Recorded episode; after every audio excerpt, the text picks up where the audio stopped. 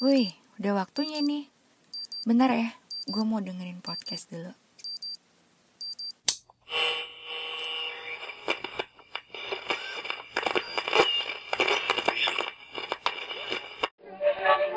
Halo, selamat datang di podcast Ngalur Tidur bareng Afri. Pada podcast kali ini, gue bakal ngobrol dengan narasumber gue yang sekarang posisinya lagi ada di Lampung. Dia tuh ternyata curi start nih saat pandemik ini, dia udah pergi duluan ke Lampung.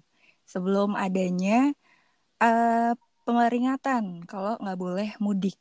Nah, dia waktu awal-awal tuh ternyata udah ke Lampung duluan gue bakal ngobrol sama seorang mahasiswa manajemen bisnis dan kebetulan dia adalah asisten trainer di salah satu lembaga pengembangan diri yang lokasinya di TBC Matupang yang gedungnya itu ikonik karena ada lafaz Allahnya. Mungkin teman-teman yang sering lewatin TBC Matupang kenal deh sama gedung ini, nggak perlu disebut karena hmm, tidak bisa sepertinya saya sebut namanya karena bukan sponsor. Dan kita kenalan dengan Nia Sonya. Apa kabar Nia? Assalamualaikum. Waalaikumsalam. Halo, di mana di Lampung kondisinya? Alhamdulillah di sini masih aman karena aku Lampungnya jauh banget gitu dari perkotaan. Jadi di sini alhamdulillah masih aman, masih ada yang aktivitas seperti biasa gitu ini kamu ini ya udah ada prediksi gimana tahu-tahu kamu memutuskan diri untuk ke Lampung? Iya, jadi emang orang tua sih yang nyuruh gitu untuk pulang ke rumah duluan gitu karena apa kan aku tinggalnya di Jakarta. Jadi kayak takutnya yang paling menyebar duluan gitu loh, kayak lebih cepat kena zona merahnya. Jadi kayak orang tua panik, terus akhirnya langsung disuruh pulang deh. Gitu. Berarti ya sudah satu bulan lebih ya kamu di Lampung ya? Iya, udah lebih banget sampai bosen di rumah. Dan akhirnya kamu memutuskan untuk membuat YouTube channel di masa-masa pen apa di masa-masa pandemi ini. iya, bener banget, Kak. Itu kenapa tuh bikin? Aku bikin karena apa ya? Sebenarnya emang udah ada niat sih ya dari 2018 itu aku udah ada niat pengen bikin YouTube channel cuman tuh nggak pernah sempet dan nggak pernah kesampaian jadi kayak pas lagi ada libur corona ini jadi kayak alhamdulillah gitu. Akhirnya kesampaian juga gitu bikin YouTube channel gitu. Gitu sih kak. Jadi kayak berdasarkan emang niat dari lama cuma niat aja gitu tapi nggak ada actionnya. Action itu tuh baru kesampaian sekarang gitu. Wacana ya? Wacana aja dari dulu dua tahun lalu. Dan akhirnya eh, pandemik ini membawa hikmah untuk kita semua ya? Alhamdulillah ada hikmah baik dan hikmah ya kurang baiknya gitu. itu pokoknya aku mau ngasih selamat ya untuk episode pertamanya. Dan hmm, ternyata eh, dan malam ini udah upload episode berapa tuh? Udah ketiga, udah tiga video yang aku upload. Uh -uh. Bahas apa sih YouTube-nya kalau boleh tahu? Hmm, di video pertama itu aku bereksperimen kayak tutorial masak, bukan masak, yang berat sih kayak bikin dessert gitu. Karena jujur aja kalau untuk masak yang berat-berat aku masih belum bisa. Aku masih belum jago masak jadi aku lebih sukanya tuh kayak bikin dessert gitu. Nah di video pertama itu aku bikin puding coklat tapi karena aku sukanya itu dark coklat gitu kan aku nggak terlalu suka coklat manis akhirnya aku bikinnya puding dark coklat gitu. Gitu sih kak. Terus di video kedua dan ketiga ini aku ambil tema tentang sharing gitu. Sharingnya hmm. pengalaman hidup aku. Dan itu pun uh, untuk video kedua itu tuh aku nggak sengaja sih mau sharing tentang hal itu gitu. Dan aku tuh waktu itu pas tanggal 18 April itu emang nggak sengaja juga bikin Insta story tentang -hmm. apa yang aku rasain gitu loh. Jadi kayak nggak tahu ya mungkin emang udah rencana Allah kali ya kak. Jadi kayak -hmm. kayak udah berhubungan aja gitu tanggal 18 April aku bikin Insta story tentang kecemasan dalam diri aku terus tiba-tiba tanggal 22 April itu aku upload video tentang itu. Jadi aku ngebahas yang Insta story aku itu loh gitu. Dan kayak nggak sengaja aja gitu. Alhamdulillah mungkin ada rencananya Allah kali. Itu kecemasan apa sih? Iya kecemasan dalam hidup gitu loh kak.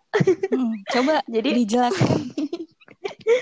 jadi itu kalau yang tanggal 18 April itu aku tuh merasa cemas karena aku baru kali itu selama aku hidup kayak ngerasa tiba-tiba aku kepengen uh, menyendiri dan pengen hmm. menghilang dari dunia ini gitu loh terus kayak aku tuh nggak mau ketemu orang bahkan chat aja tuh nggak mau terus kayak aku tuh kayak kaget aja sama diri aku aku hmm. tuh seorang yang ekstrovert gitu loh kak jadi kayak pas aku mengenali diri aku yang kayak gitu kayak ih kok kayak bukan aku sih? Kayak gitu loh. Jadi kayak heran sendiri.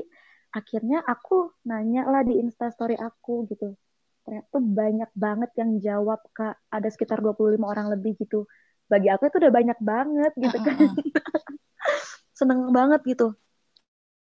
Di 25 DM yang masuk itu akhirnya tuh kayak ngebikin aku tuh bangkit lagi. Alhamdulillah dan aku bacain setiap DM teman-teman aku itu kayak semua case-nya tuh, tuh sama gitu kan. Cuman yang beda tuh masalahnya gitu kak. Yeah. beda ya kayak sama masalah beda kan. Terus aku tuh ada teman aku lah salah satu teman aku dia tuh bilang gini iya nih aku juga pernah selama empat hari aku tuh kayak gitu bener-bener hilang dari orang-orang bener-bener gak ngechat orang-orang. Dan akhirnya aku baca artikel kalau misalnya sampai tujuh hari itu termasuk depresi ringan. Itu kata teman aku hmm. karena kayak gitu. Akhirnya aku kaget gitu kan. Aku tuh kaget. Hah ya ampun gitu. Masa aku mau kena depresi sih? Kayak gitu loh kayak kaget gitu. Tapi alhamdulillah suaranya tuh udah bangkit lagi kan. Ternyata ya alhamdulillah aku nggak kena depresi gitu. Jadi kayak untuk untuk pengetahuan juga mungkin dari orang-orang yang ngedenger podcastnya kakak ini mungkin hmm. ada yang ngerasain hal itu coba di cross check lagi gitu sih. Kayak um, jangan nyampe hal itu tuh, tuh berlarut-larut gitu. Apalagi lebih dari satu minggu. Kalau lebih dari satu minggu tuh kayaknya harus bawa ke psikolog sih gitu. Karena kan itu berhubungnya dengan mental ujung-ujungnya gitu. Bener banget. Gitu, kak. Kamu tuh umur berapa? Aku tuh sekarang otw 22 tapi masih oh baru dua dua? Dua dua berarti jaraknya mungkin kamu udah kerasain ini kali ya pra quarter life crisis mungkin ya. Jadi okay. udah apa mood swing mulai dari mood swingnya itu ya. Iya kayaknya ya. kayaknya Kamu moody gak sih? Aku moodinya tuh jarang sih kak. Aku mm -mm. tuh lebih ke selalu apa sih namanya happy gitu loh. Moodinya tuh gitu gitu. Kalau misalnya kayak moody yang kayak yang cepat-cepat berubah marah seneng marah seneng itu enggak sih gitu jarang banget kayak gitu terlalu sering karena tuh makin ke sini tiap tahun tuh kayaknya hmm. ada aja tentang berita kesehatan mental ya. Hmm. Kalau misalnya kayak influencer yang tahu-tahu dia blow up kalau gue punya penyakit mental hmm. nih, kesehatan mental gue keganggu. Itu kayak masa sih pikiran kita sebagai awam kan hmm. ini kayaknya dia happy-happy aja di kalau misalnya di media sosial. Yeah. Kok ternyata dia apa uh, punya gangguan tersendiri gitu loh kan agak apa ya ternyata makin tahun tuh dia makin banyak makin hmm. banyak muncul terus antara dia ngelabelin dirinya sendiri atau dia udah konsul ke psikolog itu hmm. banyak banget ya yang kejadian gitu. Iya iya emang sih benar banget. Emang ada sih kayak aku dengar-dengar juga kalau pokoknya adalah gitu ya pokoknya public figure juga Iya dia tuh gitu.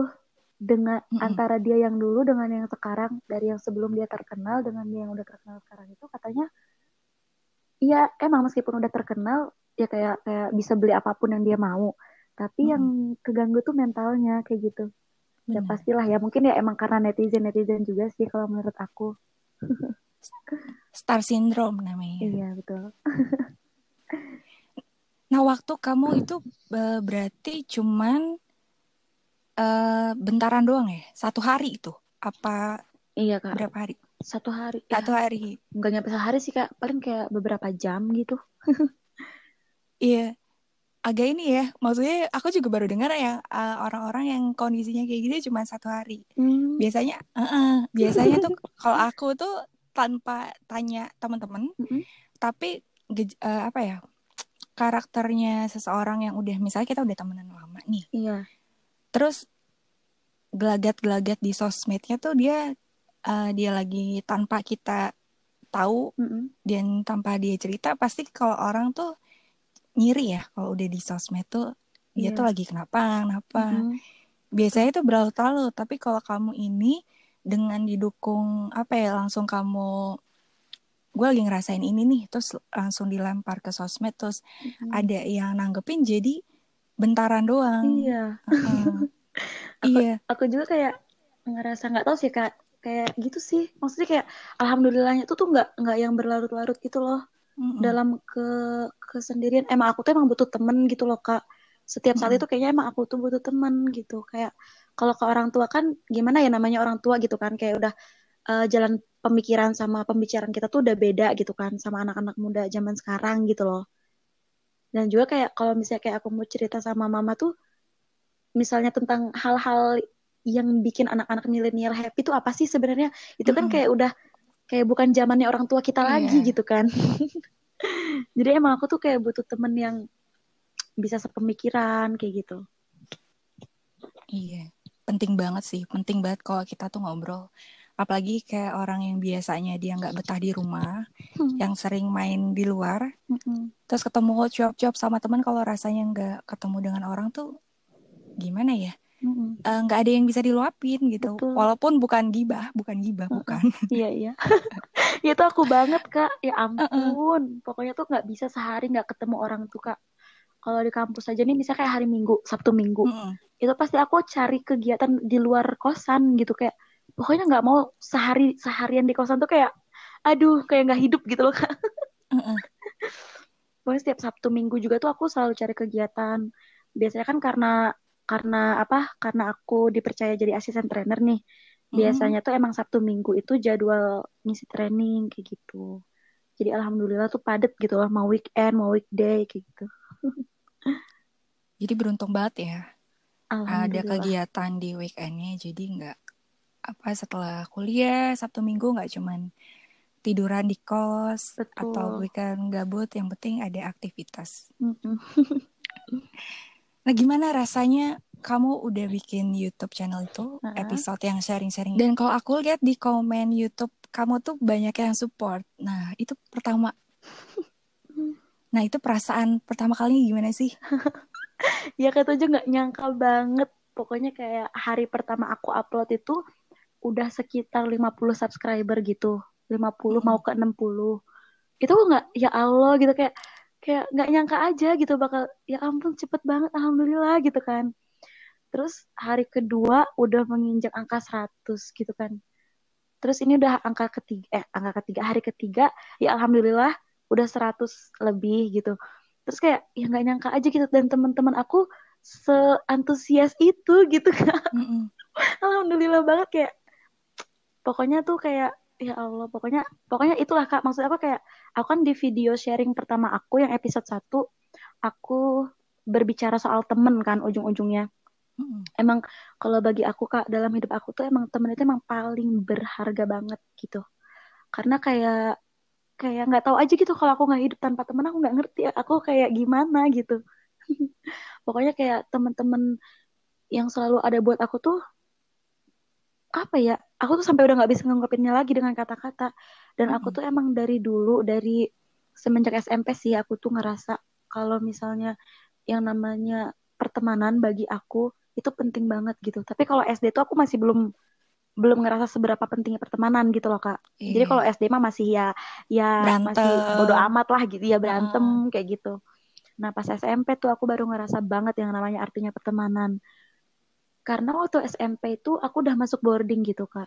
Namanya boarding kan otomatis kayak 24 jam kita tuh bareng-bareng terus gitu kan. 24 jam kita ngelakuin aktivitas bareng-bareng. Tapi selama tiga tahun dalam waktu tiga tahun itu kita dipisahin kayak gitu. Tiga tahun bersama kita ngelakuin hal bareng-bareng 24 jam tiba-tiba dipisahin dengan waktu kayak gitu. Gitu loh kak. Kayak kita pisah ada yang SMA-nya mencar kayak gitu kan. Aku ke sini mungkin teman-teman aku ke mana dari situ sih kak dari SMP tuh aku ngerasa apa ya kayak waktu itu jangan pernah disisiain bersama temen gitu. Iya benar kalau aku sih gitu.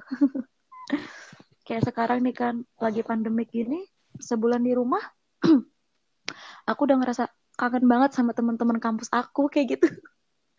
Sampai kemarin tuh pernah ada webinar dari kampus. Mm -hmm. jadi kayak kuliah umum sebelum Ramadan satu hari sebelum Ramadan tuh kita ada kuliah umum pakai zoom meeting terus kayak aku sedih aja gitu. Cuman bisa natap dosen-dosen aku teman-teman aku cuman lewat virtual kayak gitu. Dan aku tuh kayak sempet nangis sempet netesin air mata gitu kayak ya Allah gitu pengen ketemu teman-teman gitu.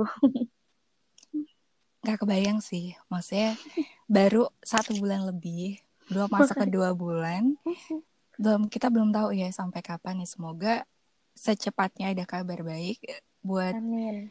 Indonesia khususnya biar kita tuh semua bisa kembali beraktivitas seperti biasa. Karena merasa banget ya yang tadinya ketemu 24 jam atau ketemu cuman 8 jam di kampus atau di kantor tiba-tiba harus berapa kali seminggu ketemunya berapa hari gitu itu nggak bener nggak kebayang parah banget sih nah Nia Uh, ini kan kerjanya sebagai asisten trainer di pengembangan diri, suatu lembaga pengembangan diri. Terus hobinya ini adalah sharing, lalu dituangkan ke YouTube. Itu kan sangat apa ya, sangat berhubungan ya. Iya betul. Awal mulanya tuh kamu suka sharing itu kenapa sih? Awal mulanya, nah kayaknya nih panjang nih ceritanya. Gak apa-apa, kita mau dengerin kok. Iya, jadi gini. Mulai dari aku pas masih SD ini ya, Kak ya. Mm-hmm. Jujur, aku dulu di SD tuh dibully, Kak. Abis-abisan. Oh, iya? Kenapa? Bahkan aku tuh dulu sampai dipalakin. Tahu kan dipalakin? Mm-hmm, tahu tahu. Di apa? Dimintain uang gitu. Mm-hmm. terus, Sama teman aku. Pokoknya tuh dulu aku tuh dibully lah gitu. Dibulinya bukan nggak ditemenin, cuman aku nggak nggak ngerti deh aku lupa kenapa aku dibully Cuman dulu tuh aku sempet aku tuh dulu pas SD kelas 1 sampai kelas 3 masuk kelas B. Mm-hmm. Ya kan? Aku dibully tuh di kelas B. Akhirnya pas kelas 3 pertengahan aku dipindahin kelas karena orang tua aku yang nuntut ke sekolah, aku dipindahin ke kelas ke kelas A. Mm-hmm. Nah, di kelas A alhamdulillah aku punya teman-teman yang baik-baik gitu. Nah, jadi waktu pas aku di kelas A itu aku udah mulai merasa tenang diri aku gitu. Nah, tapi karena dari kelas 1 sampai kelas 3 ini nih aku dibully nih kak ya. Nggak nggak pokoknya nggak ditemenin. Aku tuh dulu inget deh aku tuh dulu disuruh nulisin tugasnya temen bahasa Indonesia Aye. nih. suruh nulis uh -uh. Ini Bapak Budi nulis tuh satu lembar gitu kan. Itu tuh aku yang disuruh nulisin punya dua orang temen aku kalau nggak salah ya. Pokoknya pokoknya di, dimanfaatkan banget lah gitu aku tuh kak. Uh -uh. nah pas udah pindah ke kelas A aku tuh punya teman-teman baik tapi mungkin emang masih karena ada trauma gitu kak jadinya ya. Jadi aku tuh pendiam parah pas lagi SD bener-bener pendiam banget nggak mau ngomong sama orang kayak nggak mau ngajak main orang nggak mau diajak main sama orang kalau lagi di sekolah. Tapi kalau udah di rumah ya aku main gitu. Tapi bukan sama teman-teman sekolah aku gitu. Mainnya sama teman-teman rumah gitu. Terus pas masa-masa SD ini udah berlalu akhirnya aku aku masuk SMP itu yang boarding tadi aku masuk boarding school. Alhamdulillahnya namanya boarding school ya kak ya kan pesantren. Hmm. ada yang namanya tuh muhadoroh. Pasti anak-anak pesantren tahu dong muhadoroh tuh ngapain.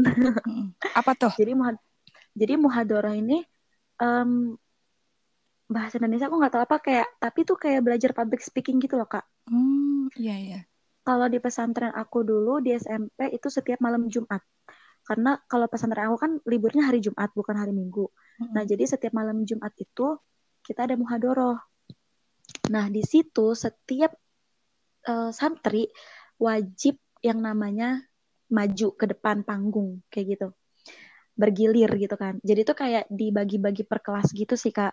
Misalnya ini klub A, klub B, klub C dan seterusnya gitu kan. Nah dulu aku itu waktu pas pertama kali aku ditugasin untuk jadi pembicara public speaking, public speaker. Itu di situ aku ya Allah kak bener-bener aku nggak tahu harus kayak gimana karena aku masih pendiam tuh ya awal-awal masuk mm -hmm. SMP aku masih pendiam. Aku kayak nangis deg-degan kayak ya Allah udah nggak ngebayangin lagi aku di atas panggung kayak gimana. Tapi akhirnya aku tuh mungkin terlatih dari situ ya kak pokoknya pertama kali aku maju itu aku nggak bisa ngomong. Nggak bisa ngomong di depan orang-orang di atas panggung aku nggak bisa ngomong. Bahkan kita nggak boleh bawa buku gitu kak. Kita harus bikin teks tapi teksnya tuh harus dihafal. Kita nggak boleh bawa buku. Itu kan kayak ya Allah gitu menantang langsung diri banget ya, kayak gitu. uh, banget kak. Pokoknya tuh waktu pas itu aku ngerasa apa ya pas pertama itu bener-bener kayak pengen langsung matilah saat itu juga gitu loh kak. Ya Allah gitu kayak udah kayak udah gemeteran banget nih tangan gitu kan. Seluruh tubuh aku tuh gemeteran. Nah tapi akhirnya udah semua itu tuh akan terlewati ya kan. Semua itu terlewati uh, hari demi hari tuh aku jalanin minggu demi minggu aku jalanin di pesantren itu alhamdulillah aku kayak udah terbiasa untuk berbicara depan umum gitu. Aku terbiasa untuk jadi MC aku terbiasa untuk hmm, apa sih namanya ya pokoknya speech gitulah speech de depan banyak orang kayak gitu akhirnya trauma aku pas masa SD itu terhilangkan dengan hmm. otomatis gitu loh kak. Alhamdulillah banget. Makanya kayak aku bersyukur banget masuk boarding school itu karena manfaatnya tuh yang aku rasain tuh sekarang gitu. Kalau dulu aku nggak masuk boarding school aku nggak tahu deh sekarang aku kayak gimana. Nggak tahu aku bakal bikin YouTube atau enggak kayak gitu. Nggak tahu aku bakal jadi asisten trainer atau enggak gitu. Ya udah deh akhirnya pas SMA aku tuh masuk lagi ke boarding school yang berbeda. Jadi SMA aku ini boarding schoolnya di Tangerang. Pas udah masuk boarding school yang SMA ini kan karena udah terbiasa dari yang SMP udah ada muhadoroh akhirnya aku udah nggak kaget lagi nih sama yang namanya muhadoroh hmm. di SMA nah banyak teman-teman SMA aku yang SMP itu SMP negeri gitu bukan dari boarding school. Banyak yang uh, kaget dengan yang namanya muhadoroh. Nah akhirnya jadi tuh di SMA aku tuh ada yang namanya tuh klub unggulan gitu, muhadoro unggulan. Hmm. Jadi dia terpisah sama teman-teman yang lain, sama yang orang-orang biasa gitulah istilahnya kak. Nah aku tuh coba untuk daftar ke situ ke klub ini karena itu emang bener-bener pilihan banget gitu kak. Nyampe tiga kali tes deh kalau nggak salah waktu itu. Aku ikut, aku iseng-iseng ikut. Aku ngerasa aku udah udah punya kemampuan nih gitu kan. Akhirnya aku challenge diri aku sendiri aku ikut dan alhamdulillahnya tuh keterima. Dan di situ aku seneng banget kak. Hmm. kayak ya Allah gitu. Akhirnya kayak uh, belenggu-belenggu aku pas aku masih SD tuh udah bener-bener hilang hilang banget pokoknya. Terus akhirnya aku bahagia banget bisa masuk grup itu. Aku kasih tahu mama papa aku. Dan mama papa aku juga tuh excited gitu kayak nggak hmm. percaya aja. Masa anaknya bisa gitu loh yeah. masuk ke klub terna ternama lah istilahnya di di pesantren aku gitu kan mama papa aku tuh nggak percaya gitu kan pokoknya itu seneng banget nah pas aku masuk klub itu karena itu kan kayak klub khusus gitu ya kak jadi setiap yang biasanya kalau kalau santri-santri biasa itu satu minggu dua kali kalau kita tuh satu minggu tiga kali hmm. nah tiga kalinya ini bonusnya ini di hari Jumat itu kita harus speech di depan orang tua yang lagi jengukin anak-anaknya hmm. gitu. Ah. Itu kan challenge banget gitu kan kak. Speechnya itu di atas panggung, disediain panggung, disediain mic, disediain salon. Udah kayak ustazah lagi ceramah gitu. Kayak ini kayak sekolah di luar negeri ya. Ah, aku nggak tahu uh, deh. Maksudnya kan ada momen yang di mana orang tuanya tuh nonton bakat ini mm kan bakat anaknya waktu di sekolah. Oh iya iya. Uh. Oh tapi kalau di pesantren aku itu nggak nggak formal gitu sih kak. Hmm. Jadi kayak ada saung-saung. Misalnya orang tua orang tua tuh lagi pada jenguk anaknya, hmm. duduk di saung-saung sambil makan. Nah kita tuh jadi back sound mereka lagi oh, makan oh, gitu. gitu loh kak. iya. Terus tuh kayak bergiliran juga kan dapat bahasanya tuh bahasa Arab, Inggris sama Indonesia kayak gitu. Dan kita nggak boleh pakai teks. Emang bener-bener harus speech tanpa teks kayak gitu. Nah di situlah ke apa ya ke public speakingan aku tuh tuh terasah gitu hmm. kak jadi nggak usah ikut kelas makanya lagi ya? bener makanya kayak kayak kayak pas udah kuliah tuh kayak ngerasa udah alhamdulillah banget gitu loh kak kayak hmm. apa ya kayak oh, pokoknya tuh ya Allah gitu ternyata tuh sekarang ya dampaknya gitu aku tuh kayak nggak sia-sia untuk challenge diri aku sendiri waktu pas aku SMP terus waktu pas aku SMA terus tambah lagi pas kuliah alhamdulillah di kampus aku juga tuh ada mata kuliah public speaking kak hmm. gitu jadi kayak ya alhamdulillah gitu ilmunya tuh menjadi dapat lagi teori-teorinya kayak gitu dan akhirnya jadi asisten dan trainer. akhirnya betul oh. Iya, betul banget. Itu perjalanan aku jadi asisten asisten trainer pun juga ya alhamdulillah sih Kak gitu. Allah bantu semuanya gitu. Saat kamu dibullying itu kan masih kecil, belum ngerti apa-apa ya, masih kayak emosionalnya pun belum stabil. Betul. Uh, pas sudah besar ini, kamu ngerasain trauma tahu-tahu inget gak? Misalnya lagi apa ya, lagi diem tahu-tahu keinget, wah gue dulu pernah di ini ini gitu. Hmm. Gimana ya kak? Aku tuh orangnya nggak mau nginget-nginget yang pahit oh, gitu. Ya, bagus bagus. Jadi kayak kalau misalnya kayak keinget atau enggak kakak nanya gitu, keinget tuh kadang, mm -hmm. kadang keinget. Cuman kayak ya udah dia cuman lewat aja gitu loh dalam pikiran. Enggak yang aku pikirin dan aku langsung jadi sedih kayak gitu enggak sih, alhamdulillahnya. Kayak ya udah cuman lewat aja gitu dalam pikiran aku gitu. Karena aku juga uh, kayak udah belajar untuk memaafkan itu ya kak ya. Jadi kayak kayak ya udahlah gitu karena di kampus aku kan emang ada mata kuliah karakter hmm. kak nah jadi dulu tuh pas awal banget masuk kampus itu tuh kita kayak diterapi gitu untuk menghilangkan masa lalu ya jadi mungkin mungkin terapinya tuh berhasil oh. gitu jadi kayak yang ya udah gitu pokoknya yang masa lalu semua mua muanya itu tuh udah hilang gitu kalaupun aku kayak ketemu sama dia lagi nggak masalah hmm. banget gitu kayak oke aja gitu. ya sih kalau kita udah maafin pasti udah lega ya. Iya, nggak apa banget. sih nggak buang-buang energi buat terus sebel sama sesuatu hal yang udah nggak terikat sama kita malah gimana ya? Betul. Malah bikin terlalu kepikiran ya. Mm -mm, betul banget. Daripada kita capek mikir-mikirin hal yang udah lalu gitu kan, ya mendingan kita move on untuk mikirin hal yang akan datang gitu semuanya itu ada hikmahnya. Pasti kita mengalami hmm. sesuatu itu buat meningkatkan kemampuan kita, meningkatkan hmm. apa ya kepercayaan diri kita. Ternyata tuh dulu waktu kecilnya seperti ini kita gedenya bisa menghasilkan sesuatu itu kan.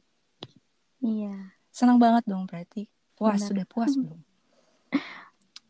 Uh, alhamdulillah. Kalau misalnya dibilang puas, aku nggak tahu ya kak ukuran kepuasan aku tuh seberapa. Cuman kalau sejauh ini dibilang puas sih kayak ya mungkin aku belum belum puas tapi alhamdulillah gitu loh kayak udah bersyukur aja gitu gitu sih karena aku belum puas karena aku belum hmm, apa ya belum cita-cita aku yang udah aku tulis di dream board gitu itu belum terlaksana. Hmm. jadi kayak aku belum puas gitu. Harus semangat ya. Iya benar. Nia kamu kan udah ada di posisi ini. Kamu udah bisa menghasilkan sesuatu yang ibaratnya yang di luar dugaan ya. Kamu akhirnya membuat YouTube channel tempat sharing-sharing. Iya. Apakah ini bakal kamu teruskan Uh, kalau untuk sharing-sharing itu iya kak, insya Allah aku bakal aku terusin karena aku ngerasa pengalaman hidup aku juga udah banyak dan aku pengen menciptakan nama aku hmm. gitu. Maksudnya aku pengen bikin sejarah gitu. Jadi kayak sharing-sharing sharing-sharing yang aku lakuin di YouTube itu bener-bener semuanya itu pure apa yang aku alami dan pure apa yang aku lakukan untuk aku mencari solusi sendiri gitu loh kak. Jadi sharing-sharing yang di YouTube itu insya Allah bakal aku terus lanjutin. Gitu. Karena kalau misalnya kita jadi pendengar dan bisa bantu temen tuh ada kepuasan sendiri ya. Bener banget kak. Karena kan ya orang hidup tuh buat apa sih gitu kan? Buat yang bermanfaat untuk orang lain kan gitu. Jadi kayak emang bener-bener aku pengen or, semua orang nanti yang udah nge-subscribe aku ataupun belum tapi yang udah ngeliat video aku aku tuh pengennya tuh setiap orang tuh punya dapat eh setiap orang itu dapat hikmah dapat pelajarannya gitu hmm. dan dapat dapat apa ya ya aku tuh bisa menginspirasi orang-orang gitu biar orang-orang juga tuh semangat menjalani hidupnya. Mungkin kan aku nggak tahu ya, mungkin aja ada yang uh, jalan hidupnya itu tuh relate dengan kehidupan hmm. aku gitu. Atau mirip-mirip dikit lah gitu. Pasti kita orang hidup pasti semuanya tuh punya masalah ya kak ya. Gitu. Dan biasanya nih orang yang bantu masalah seseorang itu masalah hidupnya itu lebih besar. Gimana? Iya sih kadangan. Iya kak bener. Emang emang kadang emang lebih besar. Nah tapi uh, kalau aku pribadi ya kak mm -hmm. ya kalau menurut aku mungkin emang yang bantu itu emang lebih besar masalah mm. hidupnya makanya dia kepengen ngebantu orang supaya orang lain bener, itu nggak sebesar bener, dia bener. masalahnya gitu jadi buat pendengar podcastnya Kak Afri misalnya kalian punya masalah jangan berlarut-larut dengan dari dengan masalah itu dan jangan pernah lari dari masalah itu karena masalah itu untuk diselesaikan. Hmm. Kalau misalnya kalian merasa berat, datang aja ke orang yang kalian percaya. Seenggaknya kalian tuh bisa menyampaikan masalah kalian dan akhirnya tuh lega gitu. Seenggaknya minimal banget hati kalian tuh udah tenang iya, dulu. Gitu. Banget. Tapi jangan salah cerita, harus ke orang-orang yang kamu percaya bahwa kamu apa ya ngerti kita gitu. Betul. Iya jangan jangan cerita ke sembarang orang gitu. Pokoknya benar-benar ke cerita yang benar-benar kita percaya banget orangnya itu gitu supaya masalah kita tuh misalnya emang itu privacy bisa dikip gitu sama si lawan bicara kita ini gitu. Nih, ya. Um, ya kak. Kalau boleh nebak nih, kamu adalah tipe orang mm -hmm. yang mendengarkan, bukan memberitahu cerita. Bener gak? Bener apa tidak? benar uh, benar ya ya kak benar tapi aku juga oh, suka oh, gitu. bercerita Mas, uh. gitu aku tuh suka didengarkan oh, dan gitu. suka mendengarkan suka didengarkan gitu. dan didengarkan uh. tapi kebanyakan benar. benar. tapi kebanyakan itu lebih mendengarkan kan benar ya hmm gimana ya aku aku aku bingung kalau ditanya kayak gitu karena gini karena aku pribadi orangnya kan uh, apa ya hmm. ya mungkin karena aku ekstrovert ya jadi aku tuh ke semua orang tuh aku misalnya aku lagi bete aku bilang ih dong enggak sih aku tuh hmm. lagi bete di kampus kak aku sering banget bilang kayak gitu ke teman-teman misalnya kayak ya tau nggak sih aku tuh tadi ketemu ini loh gitu. aku seneng banget kayak gitu pokoknya segala sesuatu tuh aku oh, ungkapin okay. ke orang-orang tapi ini okay, kalau bukan masalah ya kak maksudnya kayak pokoknya hal-hal yang bikin aku seneng ataupun hal sedih tapi bukan privacy itu aku aku kasih tahu aku gembar-gembar ke teman-teman gitu loh. Aku nggak tahu kenapa aku tuh kepengen teman-teman tuh tahu apa yang aku ah, rasain ah, gitu. gitu loh mm karena kan lingkungan lingkungan kampus aku juga kan emang emang hmm. lingkungan keluarga gitu ya kak aku ngerasanya. Jadi kayak ya udah misalnya aku pertama kali baru keluar lift nih misalnya aku kenapa kenapa gitu aku langsung bilang aja gitu ngomong teriak-teriak nggak teriak sih maksudnya kayak ngomong kenceng gitu itu enggak sih? Aku tuh habis gini gini gini gini hmm. loh terus tadi kepleset terus nanti gini gitu gitu. Hal-hal yang kayak gitu aku senang banget cerita ke orang. Tapi aku juga sering banget hmm. jadi pendengar kak. Aku tuh seneng kalau misalnya aku dijadikan pendengar. Berarti orang ini percaya gitu dengan aku gitu. Aku bisa ngekip masalahnya dia gitu. Aku seneng banget. Aku tuh seneng hmm. banget dipercaya gitu loh kak. Misalnya kayak kakak nih misalnya kakak ada cerita pengen cerita apa gitu ke aku gitu karena kakak percaya sama aku nah aku tuh seneng banget di posisi orang yang dipercaya gitu. Ya karena karena ada gitu, kepuasan gitu, sendiri ya. bisa tahu. Dan kadang tuh hmm. orang yang gak diduga-duga ternyata kok dia ceritanya sama aku ya? Bener gak betul. Iya aku pernah kok dapetin case yang kayak gitu kak. Luar biasa ibu asisten trainer ini. Semoga menjadi trainer ya suatu hari. Wow. Uh, tahu-tahu di Amin. TBC Matupang ada billboard yang gede. Wow, fotonya siapa tuh? Wow. Udah jadi trainer handal si Amin, Amin, Amin. Masya Allah. Amin. Tapi cita-cita aku tuh banyak banget kak. aku kalau misalnya aku pegang di trainer, aku pengen ya tapi kayaknya aku bakalan uh, freelance aja gitu atau gimana lah gitu karena cita-citaku eh, tuh keliling amin, dunia amin. Asik. Kan, uh, jadi trainer bisa keliling dunia juga dong. Iya, iya benar-benar bisa, bisa bisa, bisa keliling Indonesia, bisa keliling mm -hmm. dunia. Terakhir nih nih, uh, mungkin ada saran nggak buat teman-teman yang lagi menghadapi situasi yang kamu kayak kamu kemarin tuh yang nggak mau chat dengan orang, nggak mau ketemu dengan orang, gimana sih cara menghadapinya? Hmm, saran dari aku sih uh, ini sih ya kayak kita tuh harus explore diri kita dulu gitu. Kayak kita tuh sebenarnya kayak gimana orangnya, Habis itu kalau kita udah berhasil explore diri kita, ntar kita tahu sendiri kok apa yang kita butuhin, apa yang harus kita lakuin, kayak gitu. Kalau aku kan emang, aku udah mengeksplor diri aku, emang ternyata aku orang ekstrovert, aku nggak bisa nih berdiam diri di rumah sebulan nggak ketemu orang, itu nggak bisa banget. Jadi ya ternyata emang aku, aku sendiri solusinya aku aku ajakin teman-teman SD aku ngumpul gitu kita kemarin ngumpul berenam. Nah, dengan berenam orang ini aja tuh udah bikin aku tuh bahagia banget gitu sih. Jadi buat teman-teman di sini yang lagi dengerin podcast ini, ya kalau misalkan lagi merasakan hal-hal itu, hal-hal yang nggak mau chat sama orang atau pengen menghilang sekejap dari bumi ini, nah itu kayaknya kalian harus mengeksplor diri kalian dulu. Nanti juga ketemu sendiri solusinya. Gitu deh. Seru banget nih pembicaraan malam ini. Ya nggak kerasa. Sudah alhamdulillah. sudah menunjukkan pukul 20 berapa ya itu? 23 menit berapa dua tiga dua tiga empat delapan posisi kita yang berbeda. Saya di Bogor Nia di Lampung. Semoga Benar. kita cepat ketemu. Kita cepat ketemu biar kita bisa ke yayasan lagi ya. Untuk teman-teman yang mungkin mau kenal lebih jauh sama Nia, bisa sharing-sharing, berbagi cerita, karena kebetulan Nia ini sedang aktif membuat YouTube channel dengan konten-konten yang positif. Bisa nge-follow Instagramnya. Namanya apa Nia? Uh -uh. Bakal direspon gak tuh kira-kira? Iya, pastilah direspon berapa ya, DM yang masuk aku respon karena asal aku jangan modus ya, ngobrol ya, modus modus langsung diblok nih kayak ini ya.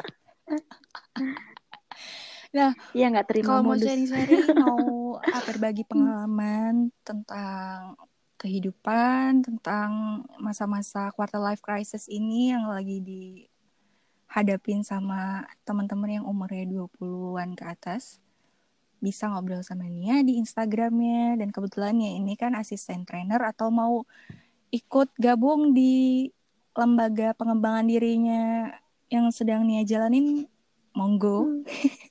Karena maaf saya nggak bisa promosi di sini ya karena saya nggak di sponsor di endorse bisa follow ke Instagramnya yang tadi nah Semoga pandemik ini cepat Yo. berakhir biar kita bisa kumpul sama teman dan berlebaran bersama keluarga. Pastinya ada kerinduan yang semakin dalam ini yang tidak bisa terobati. Benar gak nih ya? Bener banget. Semoga semuanya cepat membaik. Amin ya robbal alamin. Amin. Nia makasih. Amin ya Allah. Amin. Uh, semoga sehat-sehat di Lampung Iya, makasih sana. juga kak. Semoga uh, semoga kita cepat ketemu. Amin, kakak juga. Akhir kata saya hey. Amin. Sampai ketemu di podcast ya. selanjutnya. Assalamualaikum warahmatullahi wabarakatuh. Yuhu. Dadah. Waalaikumsalam warahmatullahi wabarakatuh.